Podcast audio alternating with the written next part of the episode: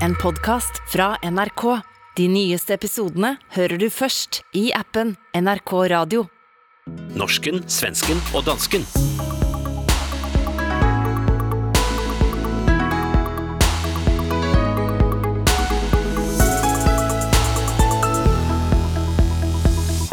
Finland er kåret til verdens lykkeligste land. Hvor er det blitt av Skandinavia? Er Putin narcissist? Er vi det? I to år før verden stengte ned har norsken, svensken og dansken møttes digitalt hver uke. Og hvad synes vi egentlig om hverandre?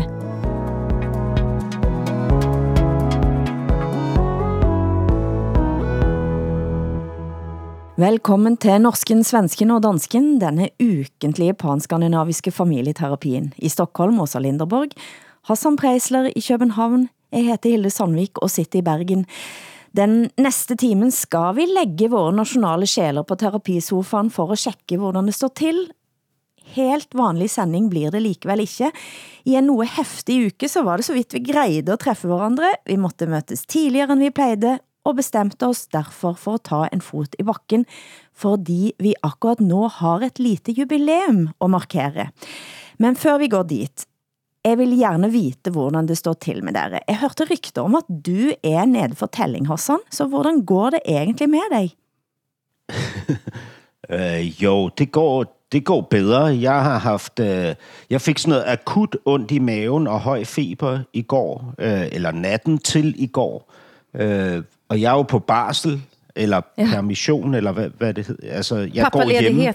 Ja, så jeg var hjemme med en baby, mens jeg gik ned. Altså, øh, og I ved, øh, det, det er svært at passe et lille barn, øh, samtidig med, at man kaster op i toilettet. Øh, Vet du, he helt ærligt, så bragte det frem minder, som jeg troede, jeg havde fortrængt. Det er Ja. frygteligt. Ja, det er frygteligt, fordi man skal jo være øh, den, øh, den voksne og ansvarlige og modne, og så ligger man der og har bare lyst til at, øh, at give slip og græde øh, ja. af fortvivlelse over, hvor ondt det gør og sådan, ikke? Men jeg er jo ikke den første, der har oplevet det i verdenshistorien. Det skal, jeg kommer over det, øh, og jeg tror, jeg er på benene igen, og min dejlige kæreste kom hjem fra arbejde tidligt for at tage min baby, vores baby op. Ja. Alt, er, alt er godt. Ja, Ja. godt. Og så hvordan tog eh, Norge mot dig? Åh, det var så underbart att vara tillbaka i Oslo. Det var, ja, det är fantastiskt. Härligt. Såg för första gången detta makalösa bibliotek, eh, Dykman Björkvika, heter det så? Ja, Bjørvika. Björvika, alltså det var, det var en utopi att gå in där. Ja, det er jo vakkert. Ja, det var så en otrolig arkitektur, det kan man inte tro utifrån. Och ett sånt generöst program och fantastisk personal och alltihopa. Det var underbart. Hvad med dig, Hilde? Øh, øh, ja, der er noget med jorden har rystet under dig. Vet du, jeg våkner faktisk av et jordskælv i går. Ja. Jeg Men vad betyder, jag förstår inte vad ett jordskälv, vad, det skakar Jordskak, runt. alltså. skakning, hvad jo, heter jag det? förstår, men, men alltså, var är det någonstans? I Bergen? Ja, Har ni sånt där? altså poenget var at jeg våkner av at jeg rister og bråker, og veggene rister, så jeg tænkte, nu må det stå en kæmpestor maskin ute, og det gjorde det ikke. Det var rett og slett jordskælv. Men gud. 0632 var det et jordskælv ute i Nordsjøen, som rett og slett eh, gjorde at husene i, på Vestlandet rister. Og da tænkte jeg, at nå er det ret før de der store græshoppesværmene fra Bibelen kommer surrende. Men har, ni, har, ni varit, har du varit med om det förut? Nej, ikke på den måten. Uh, og, og de siger også, at det var, det var mer kraftig skælv, end det har været på flere tiår. Alltså, få, fick du dödsångest? Nej, nej, nej, jeg gjorde jo ikke det. Uh, jeg, jeg måtte bare tjekke, hvad det var, så tænkte jeg, dette kjennes ut som jordskælv. Jeg har aldrig kendt jordskælv. Og så, så gik jeg selvfølgelig ind på Twitter, som fortæller mig, hvordan ting står til. Og så var det faktisk nogen, som skrev, at uh, her, her, her var skælvet. Og det, det, var, det var lidt specielt, altså. Men nej, nej jeg, var, jeg var ikke på nogen måde redd. Men til sidst, jeg fik kæft, fordi jeg sa, at Putin blev døbt i fjor. Og det var ikke hans dåb, jeg skildrer dette bildet fra. Det han gjorde under overoppsyn av patriarkene med et fett guldkors rundt halsen, det var at dyppe sig ned i iskaldt vand for at fejre den ortodoxe højtiden Epifani, altså hellige tre kongers dag. Og eh, ret skal være ret for norsken, svensken og dansken. Den russisk-ortodoxe moren til Putin sørger for at få han døbt allerede som barn. Men for mig så var altså ikke hovedpoenget hvorvidt han lot sig døpe eller ikke i januar i fjor. Men at religionen og religionsplads åbenbart er stor i Putins forestillinger. Og det var det jeg mente altså, at den religiøse ideologiske grundtonen, som når pipler frem der eh, det homofile Vesten, eller Geiropa, som de kalder det, kalder Vesten, er satan. Og det er noget, som jeg tænker, vi kan være lidt mere ops på, og det, for det er ikke bare magt vi ser, men religiøs magt. Og det var det, som gjorde mig urolig. Men nu har jeg altså sagt uh, mea culpa, eh, for, for de som trodde, som hørte at jeg sa, at Putin var døbt bare i fjor.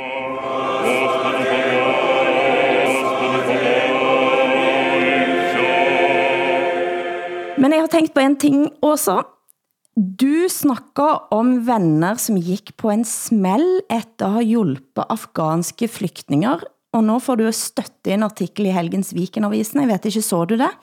Nej, det, det gjorde jag inte. Men det låter så fruktansvärt att säga att de gick på en smäll. Alltså, mm. Vad jag försökte säga är att jag har vänner som som väldigt fint tog emot afghanska flyktingar. Men att det har varit mer energikrävande och dränerande än man kanske tror först. Mm. Men att det har, det har varit eh, både väldigt goda erfarenheter men också en del av väldigt tunga erfarenheter. Så jag nyanserar det här lite grann.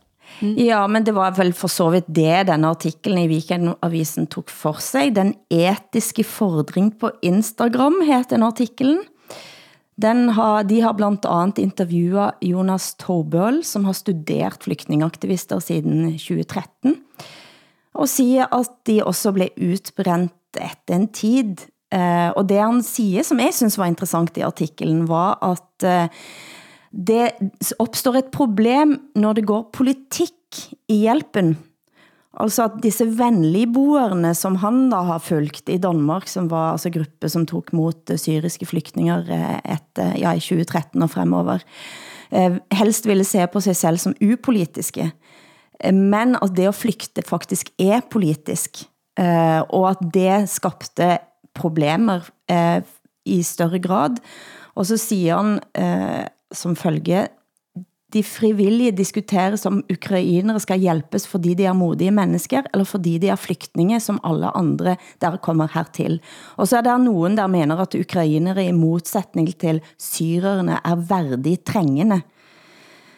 Eh, og det er jo en diskussion, som har sat fuld fyr på Danmark nu, Hassan. Eh, det viser sig ifølge Berlingske, at i Danmark er ukrainere ikke vestlige. Og det giver problemer. Har du, har du sett det?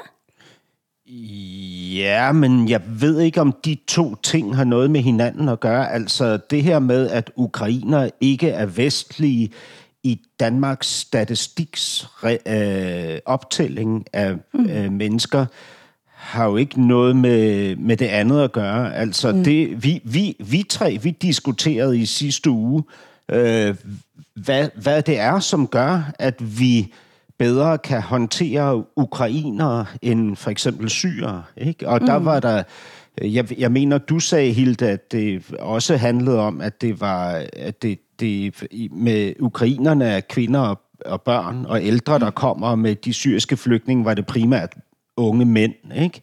Er, er det sandt? Mm. For, fordi, fordi den der diskussion, ikke? den der besynderlige retfærdiggørelse, som i virkeligheden er, øh, altså ikke flugter med sandheden, det, det, det er jo den, der er sær ikke? i mm. den her sammenhæng, øh, som, som jeg har svært ved at, at forlige mig med. Ikke? Mm. Men det her, med, altså det her med, at ukrainer registreres som, som ikke-vestlige i en dansk sammenhæng, det kommer til at blive ændret. Altså det er Danmarks Statistik, der skal forandre deres mm. øh, øh, begrebsforståelse for at øh, de her ghettoområder, vi har i Danmark, ikke pludselig bliver udfordret af et kæmpestort antal ikke-vestlige øh, beboere, som så vil give dem dårligere vilkår. Ikke? Fordi... Nej, fordi det som poenget var her, at i Danmark så opererer med ghetto-lister, øh, og at man skal ikke ha mer end x antal personer, som bor der, som kommer fra et andet sted. Der havner du på altså den ghetto-listen. Ja, altså fra ikke-vestlige lande, ikke? Mm. Ligesom man heller ikke må have over et vist antal mennesker på overførselsindkomst, og man ikke må have mere end et vist antal mennesker, som øh, har en kriminel løbebane og så videre, ikke? Ja. Det siger, det siger noget lidt om de type dilemmaer, vi står i da. Når man er nødt til at gøre om loven for at øh, folk skal kunne hjælpe ukrainske flygtninger. Ja, jeg synes, det siger en del om den, de følelsesmæssige knuder, vi skal gøre på os selv. Ikke? Og jeg har tænkt over, altså selvfølgelig er... Øh, der, der er ikke nogen... Ja, altså, den her disclaimer burde være unødvendig, ikke? Selvfølgelig er det en afskyelig krig, og selvfølgelig skal ukrainerne hjælpes. Mm. Naturligvis. Punktum. Ikke? Udover det, så, så fortvivles jeg over den her øh, følelsesmæssige... Øh, øh, det her følelsesmæssige engagement, som vi lige pludselig skal mobilisere på så højt plan. Ikke? Og jeg tænker over, hvad det må handler om. Og jeg tror simpelthen, at vi i Danmark i hvert fald, har længtes efter at mærke vores egen humanisme på grund af årtiers øh, kulde og kølighed over for flygtninge. Og nu kan vi bevise over for vores, os selv og vores omverden, at vi er ikke så frygtelige. At det handlede om noget andet. Det handlede faktisk om den type flygtninge, man får hertil. Ikke? Og så er der en anden ting efter vi har siddet isoleret under pandemien, ikke? og frygtet den her øh, virus, som vi ikke havde nogen som helst kontrol over, vi ikke anede, hvad ville gøre med os, ikke? Mm. som vi ikke kunne definere som ond, fordi det er en fucking virus, ikke? så står vi lige nu i en gudsgivet situation med en klar og tydelig fjende. Ikke? Vi har Putin, vi har russerne, og endelig kan vi forene os igen. Ikke? Mm. Endelig så er vi så samlet, som vi ikke har været i Jamen, jeg kan ikke huske, hvor længe. Mm. Ikke? Nærmest øh, øh, ikke siden den kolde krig kan jeg erindre et, et sammenhold, som vi oplever her i, i, i Vesten, ikke? og i Norden, i Danmark. Altså, NATO er fantastisk igen. EU har, er genetableret. FN har, har fundet sin rolle. Øh, og vi er alle sammen øh, på den samme side ikke? Mm. igen. Det er, jo, øh, det er jo vildt at opleve. Jag tror också att vi har ett väldigt stort behov av att känna att vi är empatiska och solidariska människor. Mm. Jag märkte det när jag flög till Oslo häromdagen. Så tyckte jag att det var så, um, så himla skönt att få checka ut bara. Att stänga av alla mobiler, att slippa tänka på det där kriget under en timme. Att i alla fall slippa bli uppdaterad och påmind. Och jag skulle mm. få tänka på annat och andra bekymmer som också finns. Jag såg det som en timma för kontemplation. Mm. Precis när planet var på väg att landa så säger stewarden, titta nu upp i taket allihopa, för nu ska vi tända blåa och gula lampor till stöd för Ukraina. Och jag ville, jag ville dra den där nödbromsen och ropa, kasta mig ut och låt mig vara i fred en sekund. Låt mig vara i fred. Och jag vet inte hur många av oss som satt och kände, Gud, varför måste de tala om för mig att jag ska stå på Ukrainas sida i den här fallet, för det gör hela världen redan. Eller varför måste, varför måste man vara så invasiv med mm. att väcka mina känslor? Mm. Å andra sidan så kände jag, det är ju också något väldigt, väldigt fint med att man faktiskt ändå gör en handling som är, som är så vansinnigt löjligt symbolisk. Mm. Så jag, jeg klev av det där planet med väldigt, väldigt dubbla känslor kan jag säga. Oh, jeg, jeg følte, jeg var med dig på den følelsesmæssige rejsen også. jeg kjente det i kroppen. Ja, jeg kender det så godt, uh, Åsa. Men, men Åsa, der er ikke nogen nødbremse på flyvemaskiner. Nej. Hur gör man när man vill kasta sig ut? Jeg tror, ikke, jeg tror ikke du skal gøre noget for at kaste dig ut også. Jeg tror du skal sitte helt rolig. okay. Du hører norsken, svensken og dansken i SR DR og NRK.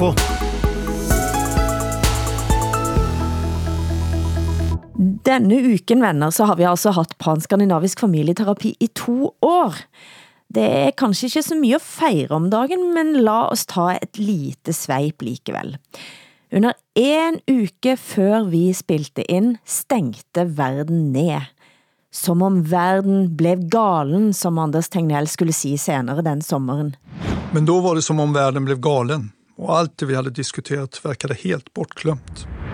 Mannen som skulle bli verdensberømt epidemiolog og figurere i programmer våre like hyppig som den danske statsministeren Mette Fredriksson, og få svensker til at bli tokiga, som blandt andet det svenske black metal bandet Clifford.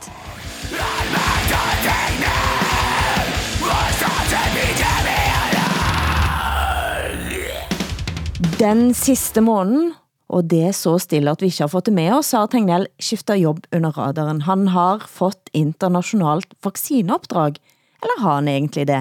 For i WHO er det ingen som finder denne jobben ifølge Svenska Dagbladet. På de to årene så har hodene til danske mænd og nogle kvinder rullet i dansk MeToo-revolution. NATO's generalsekretær Jens Stoltenberg fik jobben som norsk centralbankchef. Jeg er takknemlig for tilliten, og jeg glæder mig til at ha fatt på jobben. Og han sa den fra sig denne uken for at fortsætte på post i NATO.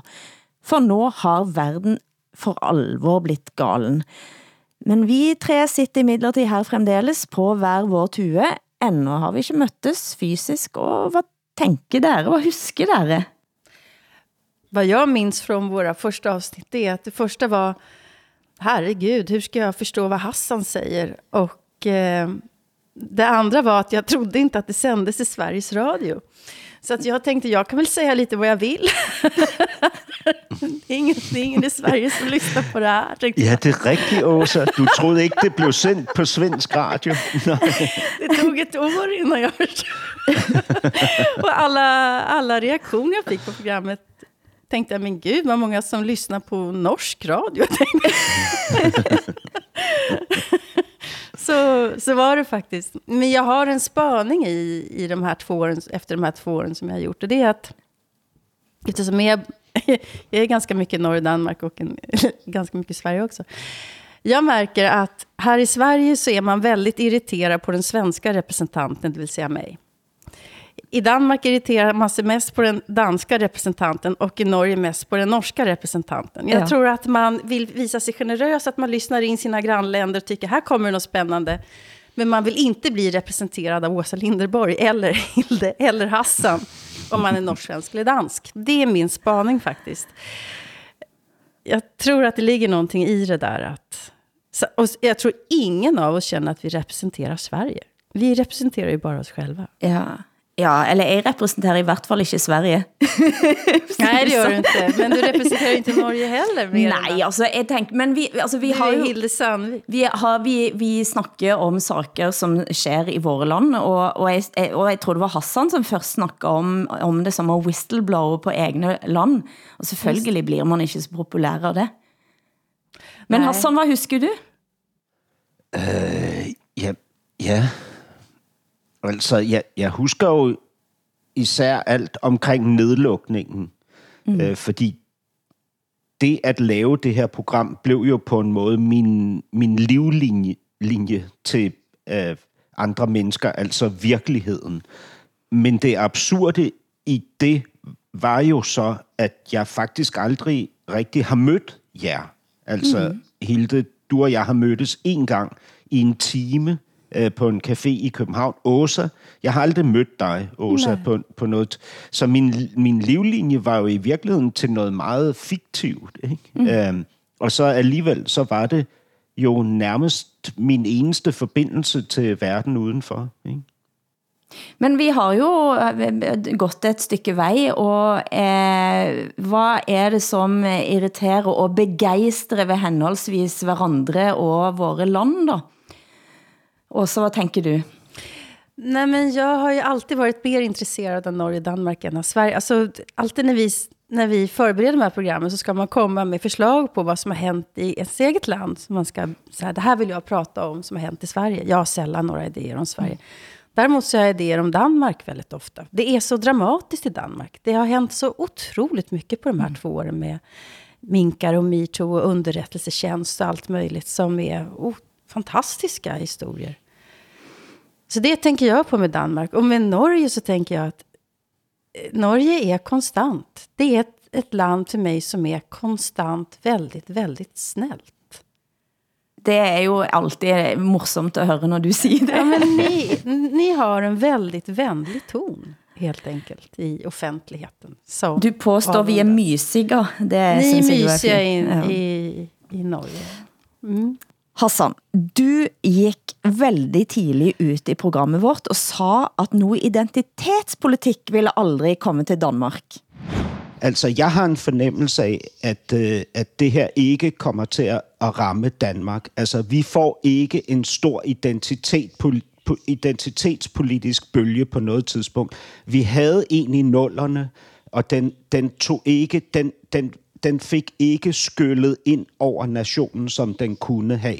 Og jeg tror simpelthen ikke på, at den, øh, at den kommer tilbage. Men det gjorde det gitt. Den ene efter den andre kampen har gått på uddannelsesinstitutioner i landet siden øh, vi startede for to år siden. 1700-tals byste blev kastet i sjøen i protest mot kolonitiden, men ikke minst, det du i alle fall mente aldrig kom til at ske, var at toget skulle rulle ind over landet. Og det gjorde det to år efter både Danmark og Sverige, efter at programleder og X-faktor-dommer Sofie Linde stak hul på byllen med en kraftfuld tale. En historie fra dengang, jeg var 18 år gammel, og lige var startet i Danmarks Radio. Vi skulle til julefrokost, og jeg havde glædet mig. Og så kommer der den her store tv-kanon op, tager fat i min arm og siger, hvis du ikke går med ud og sutter min pæk, så fucking ødelægger jeg din karriere. Så ødelægger jeg dig. Jeg er ret sikker på, at du kigger på mig lige nu. Du ved godt selv, hvem du er. Du ved også godt, at jeg sagde nej. Så hvad siger du egentlig nu? Ja, det var virkelig dumt. Altså, det, det er nok noget af det dummeste, jeg nogensinde har sagt. Øh, jeg tror aldrig, jeg har sagt noget, der var så stupidt som det. Øh, det, det er nok det mest idiotiske, jeg, jeg har sagt i mit liv. Det var skönt om Hold kæft, hvor tog jeg fejl. grejer. Jeg tog så meget fejl. Og jeg har prøvet at lede efter, hvad kan man sige, årsager, der kunne øh, retfærdiggøre mine øh, udtalelser dengang. For jeg vidste jo, at det nok ville komme op i dag på toårsdagen for vores program. Men jeg kan ikke finde noget fornuft. Jeg har intet fornuftigt at sige. Det var bare øh, dumt, fordi i det identitetspolitiske øh, hvad hedder det, øh, jordskælv, det ramte jo Danmark øh, på, øh, hvad hedder det, meget højt på Richter-skalaen. men, øh, men jeg vil da også gerne sige, øh, øh, altså øh, til dig, Åsa, og til nordmænd, at, at det, jeg er absolut mest begejstret for ved Norge, er og den optimisme og handlekraft, jeg ser i det norske, som også er en i, mi, i mit billede er en form for råstyrke. Ikke? Og til dig, Åsa, og svensker, Vad, så vad, vad synes jeg, Att det är en, en, bild, en bild för. Vad du? råstyrke, styrke. En råstyrka. Ja, ja, ja. Ja. Og, mm. og til dig, Åsa, så er det jo, altså, som jeg også tidligere har talt om, den der svenske etik, som er noget af det mest irriterende, er jo også det, noget af det, mm-hmm. jeg sætter mest pris på ved, ved det svenske. Ikke? Og den etik, den indeholder for mig faktisk også en evne til at indrømme fejl. Ikke? Øh. Fordi det forlanger den der tilpasningsdygtighed, som svenskerne besidder så meget af. Mm. Den, den forlanger af en, at man kan indrømme sin fejl. Ikke?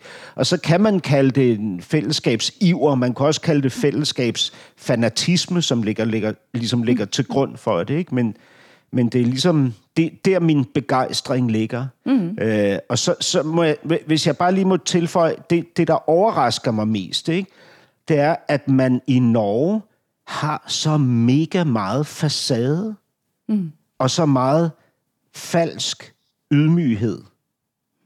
I Norge? Har de falsk Ja. ödmjukhet i Norge? Ja, ja Jag trodde det klart. var Sverige som kämpar på med sin självbild i den där Nej, frågan. nej, menar i- att i- Norge? Nej, i Sverige, der har man en, en virkelig sær... Det er det, der overrasker mig mest ved Sverige, mm. det er, at man har en, en svensk og meget stolt underdanighed.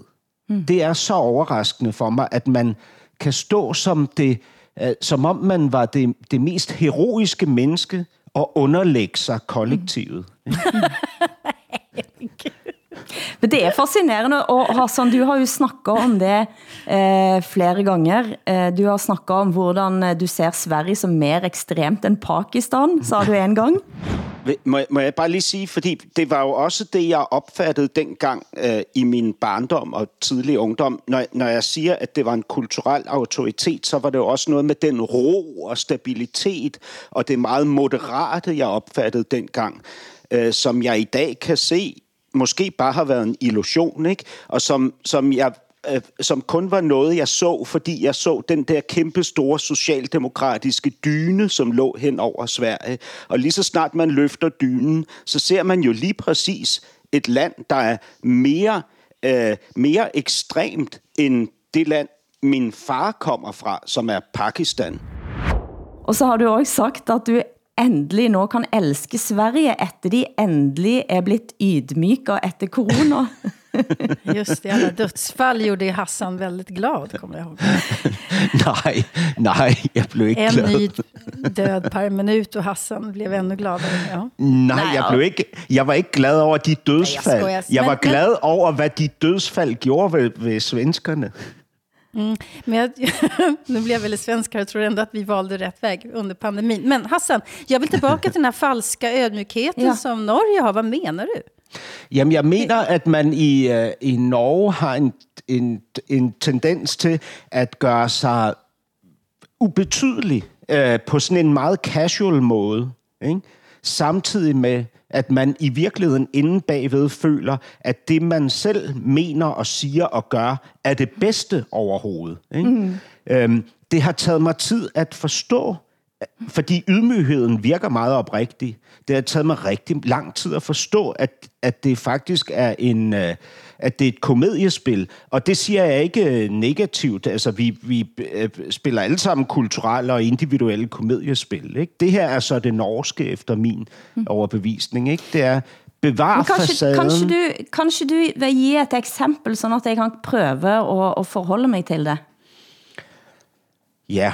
Øhm, når du, Hilde, bliver udfordret på korrektheden, pænheden, altså om du kunne have taget fejl, eller, øh, eller øh, sagt noget, der var urigtigt, mm. så kan jeg øh, mærke, at det hele vibrerer på dig. Øh, mm. Så bliver du øh, utryg i øh, ugevis efterfølgende, øh, som jeg ser det. Ikke? Og, og, mit gæt er, at det er denne her øh, facade, pæn, den pæne facade, altså øh, det, man ligesom projicerer ud mod sine omgivelser, som bliver udfordret. Ikke?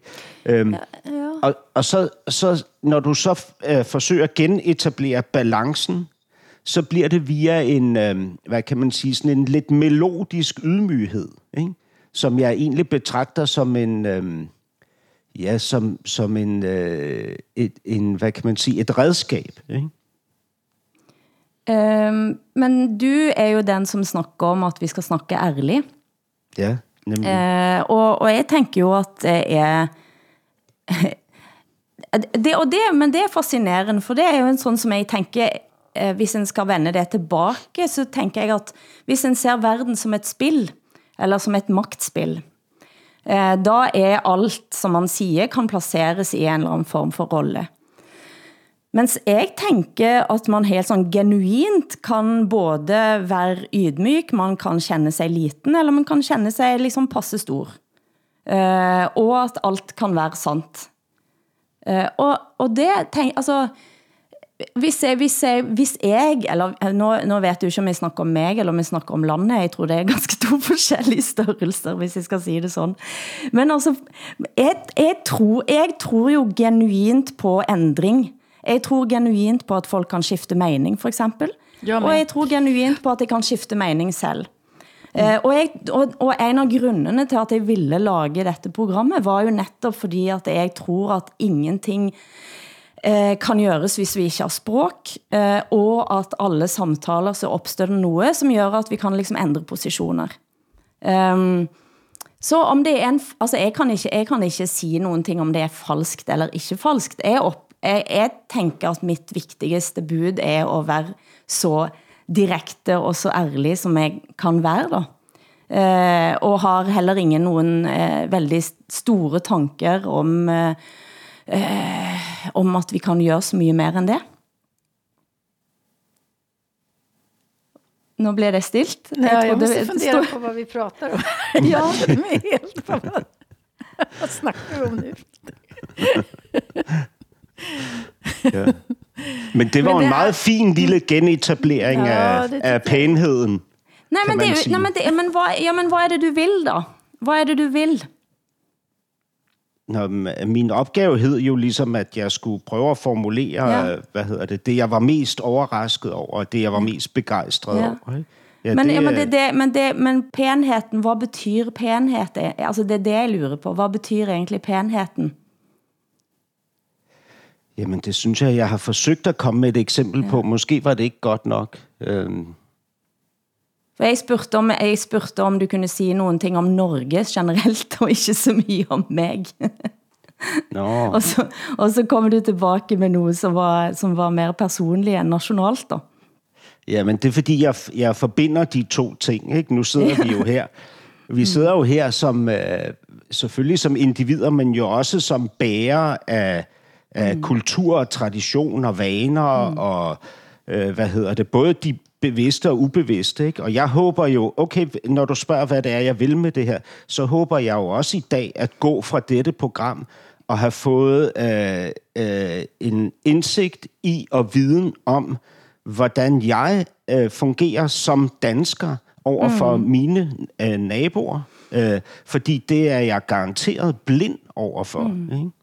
Altså, Nu blir det familjeterapi på riktigt här. Hvis jeg skal vende noget tilbage, så tænker jeg at jeg reagerer altid på, hvis nogen, og jeg synes vi er ganske gode til at undgå det i programmet, men hvis nogen går ut ifra at man vet hvad som foregår inde i hovedet på en anden person, altså det være sig sige at du gør dette, fordi du egentlig tænker sådan, Eh, du eh, svarer på denne måten, fordi du egentlig har en anden bakgrund for at gøre det. Det reagerer jeg altid kraftigt på. Eh, og, og, den, og, og det, hvis nogen prøver at gå ind i hodene på nogen andre, det være sig som kommentator i en avis, eller som politisk kommentator, eh, Jimmy Åkesson siger det, fordi han egentlig mener sådan. Eh, det har jeg lyst til at gøre et opgør med. Jeg liker ikke den måten at tænke på. Uh, og, den, og det kan være at, en kan, at jeg kan også reagere på, hvis jeg føler at den blir lidt sådan, en blir dyttet i en retning med en mistänksomhet i stedet for en åbenhed. Men är det inte så, om jag går tillbaka till mig själv när jag sitter och när jag stänger av mikrofonen och funderar på var det Åsa Linderborg som pratar eller var det den svenska representanten som pratar. Jag är ju svensk.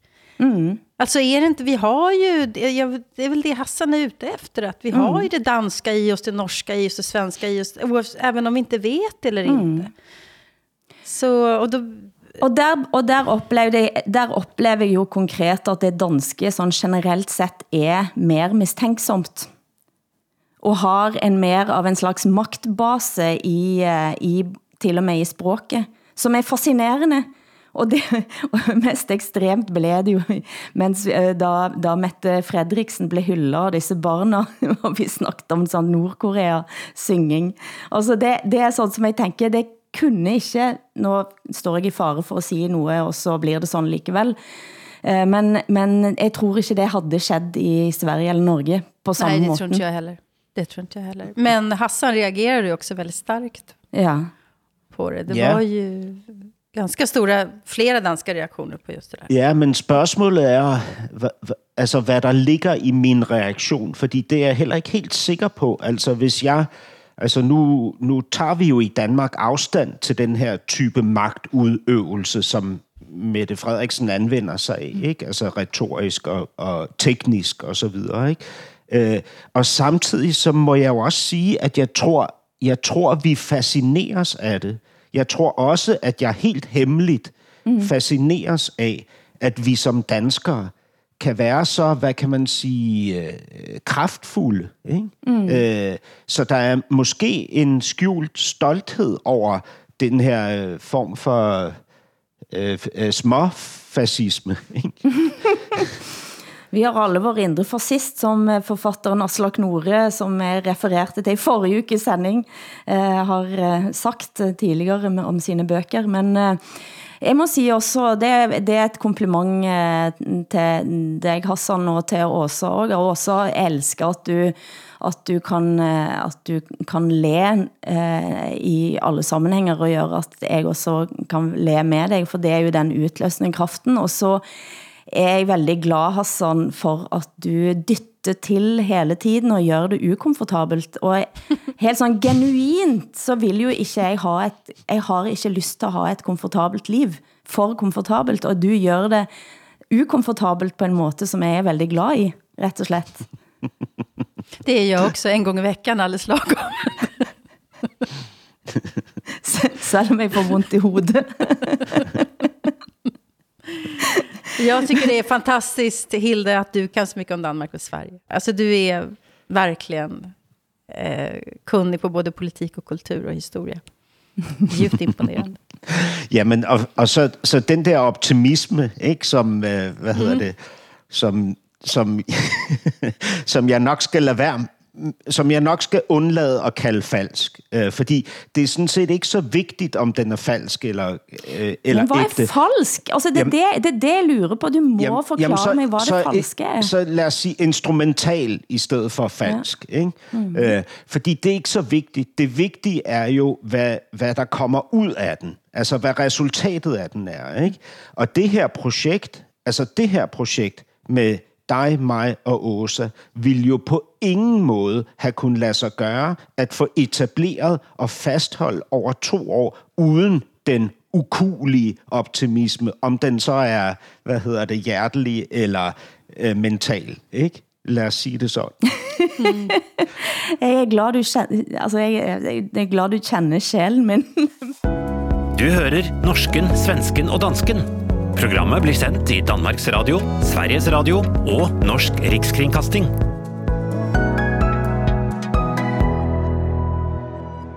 Men siden vi først er inne på os selv, Hassan, eh, du har en tid været optaget av narcissisme, for vi styres og ledes av den, skrev du for en tid siden. Eh, hvad tænkte du på? Ja, det er jo, det, det er jo en kæmpe stor snak, men jeg, jeg har øh, gennem tiden øh, fået en fornemmelse, og det er måske en meget banal erkendelse i virkeligheden, men jeg har fået en fornemmelse af, at vi, vi alle sammen regeres og styres af de helt forkerte mennesker, fordi de mennesker, der sidder i magtpositionerne, er nogen, der ikke kun øh, vil have magten, men som faktisk er afhængige af den på sådan et helt dybt øh, øh, plan, hvor det går ind i i ting omkring øh, dulighed, udulighed, retten til eksistens, øh, øh, hvad hedder det, selvværd og så videre. Mm. Ikke? Øh, og det har jeg prøvet at studere, fordi vi står jo lige nu i en situation, hvor vi øh, har for nylig har haft en amerikansk leder, som øh, altså øh, vidt og bredt blev kaldt for en narcissist, ikke? Mm. og lige nu har vi en russisk leder, som øh, folk jo er hurtige til at stemple med prædikatet narcissist. Ikke?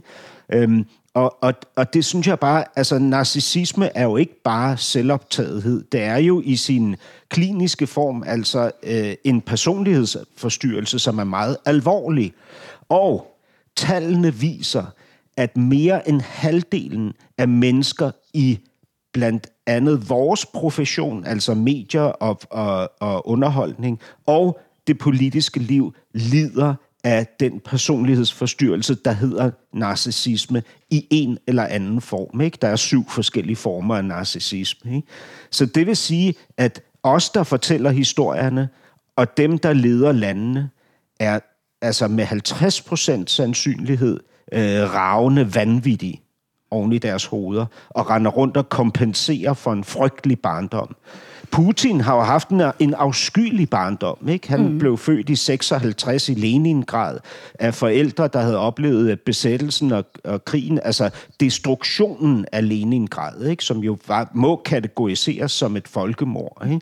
Faren var blevet såret, moren var ludfattig, og da Putin ikke var særlig gammel, blev han sendt væk hjemmefra. To af hans søskende døde af, mm. af sygdommen, man ikke skulle dø af. Ikke? Øh, og så blev han sendt væk hjemmefra øh, og voksede op et andet sted der, det andet sted, der fandt han så ud af, at han var faktisk han havde en ekstrem evne til selvkontrol, så han kunne dyrke mm. judo, han kunne blive god i skolen, så han kunne blive en del af KGB, så han kunne blive en del af magtapparatet. Ikke? Sortbælte i judo, helt centralt i det sovjetiske magtapparat. Ikke? Det blev hans kompensation for udulighedsfølelsen. Mm. Ikke? Mm. Åsa?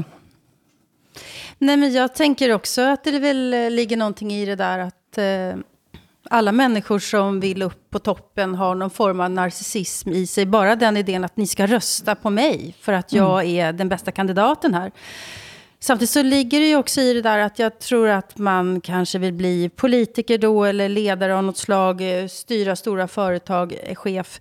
Eh, därför att man... Eh, har en, en, en viss, själv, visst självhävdelsebegär, men också att man faktiskt tror att man kan lösa de problem som man tycker måste lösas. Vi kan ju inte ha politiker som, som faktiskt inte tror att de klarar av vissa saker som, man, som mm. väldigt många inte tänker om sig själva att de skulle klara av. Jag, tänker, jag är inte så, så, säker på att jag tycker att narcissism är en, en bra analyskategori. Om 60 procent av alla människor på något sätt har... Alltså, människor, all, alla människor, säger psykologer, har någon litet stråk av narcissism i sig. Mm. Eh, och då är frågan hur mycket, om man pratar om narcissistiska personlighetsstörningar, så pratar man om rena narcissister. Mm. Och eh, jag vet inte om det är, om det är eh, ett verktyg för att förstå det som händer händer nu, eh, tänker jag. Alltså jag tror... Och, och mm. vi, pr vi pratar om narcissister när det gäller ledare som, som är så långt ifrån oss själva, som vi verkligen inte kan fördra. Men om vi tar det här Afghanistankriget som är det bortglömda kriget. Det, vi, pratar om det som, vi pratar inte om det överhuvudtaget, men det avslutades ganska nyligen. 200 000 civila människor dog. Jag tror, jag tror inte att USA mm. tog igång det där därför att deras ledare är narcissister eller psykopater. Eh, jag tror inte Colin Powell satt och ljög om massförstörelsevapen i Irak för att han var narcissist mm. eller, eller psykopat eller någon annan hade, hade ADHD eller vilka diagnoser vi nu vill ge folk. Onda, goda människor. Jag tror att det är väldigt många samvarierande faktorer som gör att, att vi hamnar i sådana här lägen. Och med, med detta sagt vill jag inte säga att Putin verkar störd på något sätt. För det, det tror jag att han är. Men jag tror inte att det är, det är hela förklaringen, om jag säger så. För då du skrev om detta, Hassan, så kom jag till att tänka på en norsk bok som kom ut i fjol. På Tronsmo bokhandel i Oslo har boken til Lena Lindgren Ekko et essay om algoritmer og begær ligger på topp 10-listen siden før sommeren. Har vundet masse priser i det hele tatt blitt et lite fænomen. Men hun siger i denne boken, at det ikke er narcissus-tid vi lever i, for det mange siger jo at vi er alle narcissister, vi går rundt og tar selfies og, og er mest optaget av oss selv, men at hun mener at det tvert imod er Ekko sin tid. Husker dere Ekko? Fra mm. myten, den greske mytologien, nymfen altså, som begyndte at elske Narcissus, men som først efter at blive kastet forbandelse på av Hera, bare kunne gjenta de sidste ordene hun hørte. Og det er hans bakspiller Ekko, altså Narcissus bakspiller Ekko, som Lena Lindgren mener vi bør forstå nå. Altså fordi han mener at vi alla faktisk, imiterer og hermer? Vi alle imiterer og hermer. At vi altså, rett og slett blir en gjeng med kopier mm. uh, i et sånn algoritmespill, og en algoritme som selvfølgelig er helt ukritisk. Men så er spørgsmålet, hvem tjener på at det skal være sådan? Uh, og da kan en like godt snu på det og sige, om har nettet og kampen om opmærksomheten gjort det muligt for Putin at komme dit han er? Altså, at vi har blitt sløve av vårt eget ekko på en eller anden måde. Um, ehm, og, og sårbare for kræfter, som, som vi ikke kender. Jag menar ju att, den här, alltså att, att stämpla personlighetsstörningar och etiketter på människor blir, det blir så ohistoriskt. Alltså Putin sitter där han sitter därför att Ryssland var ett enda stort kaos när han tog över 1997.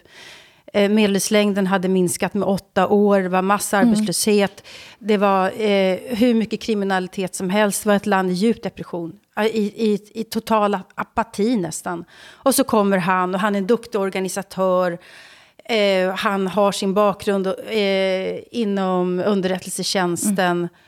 Mm. Eh, och han får ordning på det här landet organisatoriskt. Han höjer pensionerna tre gånger på ett år. Han bygger kulturhus långt ut i Sibirien och så vidare och får folkets kärlek där. Eh, och förstår man inte, man måste förstå vad Ryssland har varit för ett land de här senaste ja, hundra åren, eller hela sin historia för att förstå det här, tänker jag. Då, då, sen, sen är naturligtvis Putin en särskild sorts människa, det är vi allihopa. Men man kan liksom inte koppla bort Rysslands historia eh, från den här... Det, det, er jo vir, det er jo virkelig interessant, fordi vi, vi taler jo om den samme ting ud fra tre perspektiver, mm. som ikke udelukker hinanden. Mm. Fordi Åsa, du taler jo som en historiker om det politiske niveau i det her, som jo vil være fuldstændig afgørende centralt, ligesom dit øh, niveau, Hilde, det kulturelle, ikke? hvor du taler om, hvad for nogle kulturelle strømninger, der er fundamentet for forandringerne, mm. om de så er til det gode eller til det dårlige. Ikke? Øh, hvor, hvor jeg jo nævner en bestemt et bestemt faktum, som jeg mm. synes, jeg og mange andre før mig har studeret, ikke? som simpelthen handler om kliniske mm. diagnoser af statsledere, fordi man simpelthen mener, at de, der opsøger og mm. får magten, er dem, der har allermest behov for den. Altså, når man gennemgår de amerikanske præsidenters øh, øh, fjerndiagnoser, ja, jeg er klar over, at det er fjerndiagnoser, så siger man jo, at, øh, at 10 procent af dem har været bipolare. Ikke? Der er jo øh, 10 øh, procent af dem, som har været dybt afhængige af alkohol og stoffer, mm. ikke? og så videre. Ikke? Øhm, og, og, og se på, nu talte du om Afghanistan-krigen, Åsa, og siger, at der ikke ligger noget narcissisme til mm-hmm. grund for den overhovedet. Ikke? Men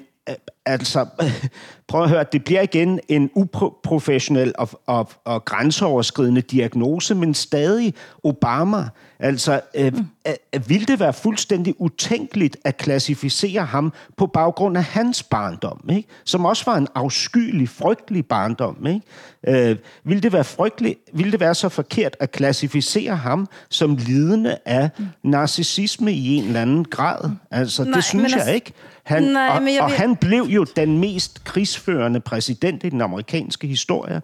Alene i sit sidste mm. år, der kastede han 26.171 bomber fra droner og fly over syv lande, som, øh, han, som var blevet øh, erklæret øh, krigslande, man kunne føre krig i. Ikke? Uden noget ja, men det är intressant, för vi, alltså. skulle ju, vi, skulle ju aldrig, vi skulle aldrig fundera på om han är narcissist eller inte, därför att han tillhör oss, så att säga. Eh, I vår sfär, mm. vår kultur och i, i den västerländska ideologin och idévärlden. Men däremot, om jag går tillbaka till Afghanistan, skulle jag ju kunna se att hela det västerländska projektet, att tro att man ska kunna göra Afghanistan till ett land som är som väst, det är narcissism då i så fall. Där yeah. ligger storhetsvansinnet, att nu ska alla som bor i Irak eh, bli som oss, eller nu ska alla i Mellanöstern bla bla. Hvor mange øh, autobiografier er det, Obama har skrevet? Han skrevet seks eller otte selvbiografier? Ja, jag menar, Winston Churchills memoarer tror jag sträcker över 50 band eller någonting mm. sånt där. Så Lindgren citerer filosofen René Girards eh, i nogen tanke om, at narcissisten er prisgitt menneskene rundt sig, og at i det øjeblikket alle trækker blikkene til sig, vil en såkaldt narcissisten falde sammen som en soufflé, siden narcissisten selvfølgelig er like socialt afhængig som alle andre. Det er kanskje en eh, slags eh, ende på den foreløbige samtalen. Jeg føler mig kommer tilbage til dette mange gange. Altså man kan i hvert fald sige i forlængelse af det, uh, Hilde, at Putin har fået vores allesammens blikke lige nu. Vi ser, Netop. hele verden ser på ham. Ikke? Hvis han har følt sig ignoreret, så gør han det i hvert fald ikke længere. Og hvis Rusland mister sig selv, da de faldt uden for synsfeltet og den vestlige verden, eh, kanskje var noget måtte netop gjøres. Norsken, svensken og dansken med Hilde Sandvik, Åsa Linderborg og Hassan Preisler. Finland er kåret til verdens lykkeligste land for femte år på ras. Hvad skal vi sige om det? Burde vi fått en finne med i dette programmet, som nu blev ganske dystert? For at få op lidt lykke? Åsa, hvad tror du? Nej, men det är så lustigt för att bilden av, eh, omvärldens bild av Finland är att, det, att de är dystra människor, men de, tydligen så vinner de lycklighetstävlingen gång på gång på gång. Jag tycker det är ett underbart land, jag tycker väldigt mycket om finländare, jag älskar att vara där, så att jag kan förstå. Men eh, det, det är lustigt, vad är det de har som vi inte har, undrar jag? Vad är det de har i Finland som vi inte har? Jeg måtte jo ind, fordi du sendte mig en screenshot av dette fra svensk tekst-tv, der det går frem at både Danmark, Schweiz og Island ligger over Sverige. Det stod ingenting om Norge, jeg måtte selvfølgelig ind, og det viser sig at vi er altså mer ulykkelige end til og med svenskene. Nej, det är inte det, möjligt. Hur mäter man det där? Det fattar inte det. det. Men altså, hvis svenskene skulle få lyst til at flytte til Finland nå, eller det næst lykkeligste landet, som der faktisk er Danmark. Du er lykkeligst av oss, eh, Hassan, bare så du vet det. er, er du lykkelig, Hassan? Øh, og det er jo det sværeste spørgsmål i verden at svare på. Altså, øh, jeg, jeg, øh, jeg går ikke rundt og føler mig lykkelig, men jeg kan jo godt se, jeg kan jo sagtens se, at jeg lever et ekstremt privilegeret liv øh, i forhold til langt de fleste mennesker i verden. Altså også den aktuelle situation taget i betragtning. Øh, øh, så det er jo ikke for, for ligesom at, at udtrykke en form for, hvad kan man sige, øh, fundamental utaknemmelighed, når jeg siger, at jeg ikke går rundt og føler mig lykkelig. Men det gør jeg ikke i mit liv, altså på trods af, at jeg har alle årsager til det. Jeg tror, Øh, altså, øh, vi, vi har jo talt om den norske optimisme og den svenske pessimisme. Hvad er det, der markerer den danske kultur egentlig, øh, ud over alkohol? Altså, det, men, men det, er, det er vel... Vi, jeg, jeg tror, vi besidder, måske var det også det, du var inde på før, Hilde, en form for kynisme. Altså... Mm. Øhm, Cynisme? Ja, måske. Måske er der en form for kynisme, som stammer fra nogle af de store nederlag og reduktionen af staten fra, øh, fra et, hvad hedder det, et, et globalt magtmonopol til en, et lille bitte land. Mm. Ikke? Måske har det, har det tilføjet en, et, et niveau af kynisme til den danske kultur. Jeg, jeg kan ikke helt svare på det. Jeg vil ønske, I kunne. Øh, fordi vi ser jo jeres øh, henholdsvis optimisme og pessimisme gør sig gældende ikke kun personligt, men også nationalt, ikke, som jeg ser det. Ja. Kan, kan jeg få lov til at, at, at moderere den øh, syne om optimisme? Eh, for den optimismen er i så fall veldig blandet op med, og særligt på Vestlandet, der jeg bor, hver glædes stund man har på jord betales skal med sorg. Altså den tanken med, at alt som blir bra, umiddelbart kan bli dårligt eh, hvis man ikke passer på. Eh, og det ligger også veldig grundig i mye av den der norske tankegodset. Eh, at man skal ikke, en, en, skal ikke være for, eh, en skal ikke være for glad, for da kommer, da kommer straffen. Eh, ja, det ligger i hela, hela min tankeværld. ja. men, men selv når du fortæller den historie, Hilde, så lyder du optimistisk. Jeg har jo taget et opgør med det. Det er kanskje det du mener er falskt da. at det, det er mitt indre opgør med min indre vestlending, som gør at det føles uh, uærlig. Uh, men, men, men jeg tænkte på, for jeg hørte, jeg kom over en samtale med, mellem den svenske økonomen Mikael Dahlén og psykologen Anna Bennick fra Økonomibyråen på SVT uh, eh, for en tid siden. Pengar är ju till för de är uppfunna för att främja mänskliga relationer. Men det har vi glömt bort och så fuckar de på ren svenska upp de mänskliga relationerna. Studier visar ju att ju mer pengar vi har, det gäller inte alla, men i genomsnitt, desto mer själviska blir vi för att istället ersätter mänskliga relationer. Så, men så det... mer pengar gör oss mer själviska? Ja, det finns det en hel massa studier på. Jag klarar mig själv, jag är inte beroende av dig för jag kan köpa mig fri från allt elände och köpa till mig allt jag behöver.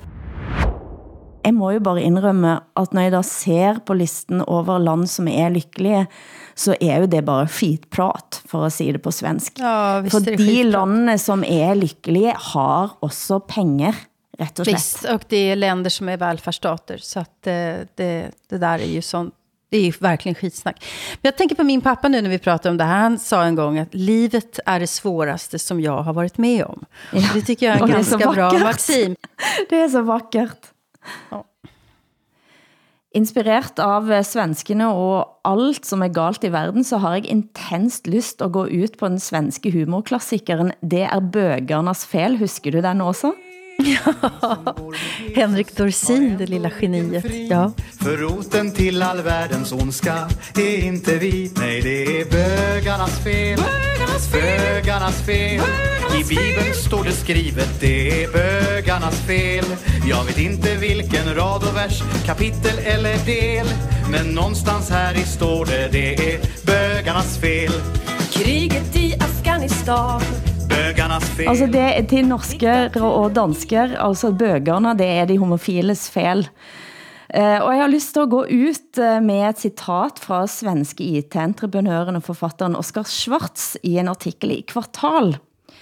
Der skriver Schwartz, eh, Gay-paraden er inget arrangement av vestmakter eller målsetting i sig. Det er resultat av medborgerliga rättigheter såsom yttrandefrihet, forsamlingsfrihed, sekularism, kunskap, tolerans, frihet. Medan Ryssland med rå kraft pumpar och gräver upp råvarer, odlar vete och pressar sol, rosolja som säljs till världen, skapar det politiska väst revolutionerande högteknologiska produkter som omformar våra liv. Så altså, det er bøgernes fel. Det også. Så tak til alle bøger. ja, verkligen. Det blir sidste ord fra oss i ukens Norsken, Svensken og Dansken. Producent har været Eskil Paus, tekniker Hans Christian Heide. Tak til Hassan Preisler i København, Åsa Linderborg i Stockholm. Jeg heter Hilde Sandvik i Bergen. Programmet er produceret av både og for NRK, SR og DR, der redaktør for programmet er Ole Jan Larsen. Og vi høres igen om en uke.